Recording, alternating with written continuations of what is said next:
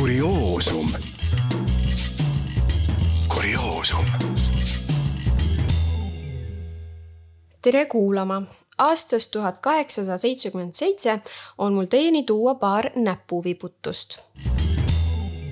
seitsmeteistkümnendal juunil kirjutas üks aus mees Perno Postimehele pühapäeva rikkumisest. kiri on nõnda pühapäeval, kahekümne üheksandal mail, kui ma kirikusse tulin, nägin ma üht vana Sauga valla taluperemeest oma põllul töös olevat. ta oli sel hommikul odre maha külvanud ja neid ka sisse kündnud ning praegu söötis ta oma kahte hobust vankre pealt. vist selle tarbeks, et ka oder enne ära äästada, kui ta kirikku tuleb, ehk enne, kui kirikurahvast kirikust saab tulema. see oli nüüd see meelepahandus aga ega sellega veel kõik lõppenud polnud.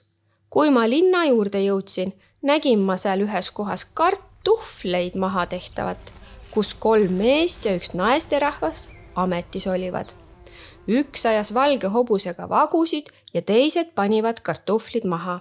ja ikka õige ruttu ja jälle seepärast ruttu, et nad veel enne valmis saavad, kui kirik sisse helistatakse. seda väga imeks pannes läks mu süda väga kurvaks et nüüd meie ajal keskristi rahvast veel pühapäeva rikkujaid leida on, kes Jumala käsust üle astuvad. selge sõnaga kästakse, sina pead pühapäeva pühitsema.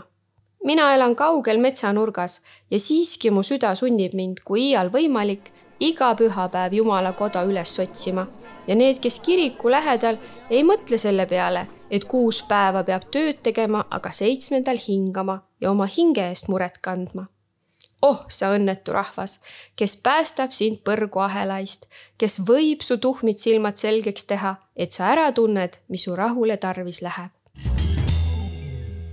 kahekümne kolmandal septembril kirjutati Pärnu Postimehes vargusest.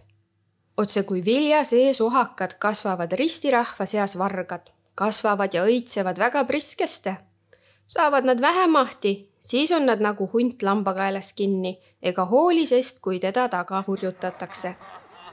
siin meie linnas sai teise ja kolmanda septembri kuupäevade vahelisel öösel linna sees ühes huulitsas, kus alati inimesed käimas, uurmaakrmeistri Nielsene vaikne magasin lahti tehtud ja puhtaks riisutud sealsamas lähedal ka üks saapapood, niisamuti lahti tehtud ja kaupa ning raha, mis kassas olnud, kaasa võetud.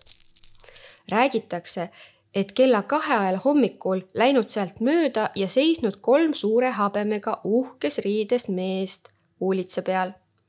kellelgi ei ole meelde tulnud seda mõtelda, et need öökullid näppajad olivad. usume vist, et neil mitte oma kasvatatud habe ei ole olnud, vaid vale habe kellega end tundmatuks tegivad.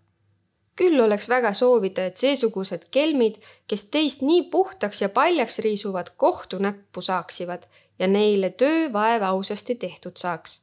jumal on pikameeleline ja kannatab, aga viimaks toob ta ometigi kõik päeva ette, mis salamahti tehtud ja ähvardab neid nuhelda, kes tema käskude vastu tegivad käituge siis korralikult ja pidage kenasti pühapäeva. Kuulmiseni kurioosum. kurioosum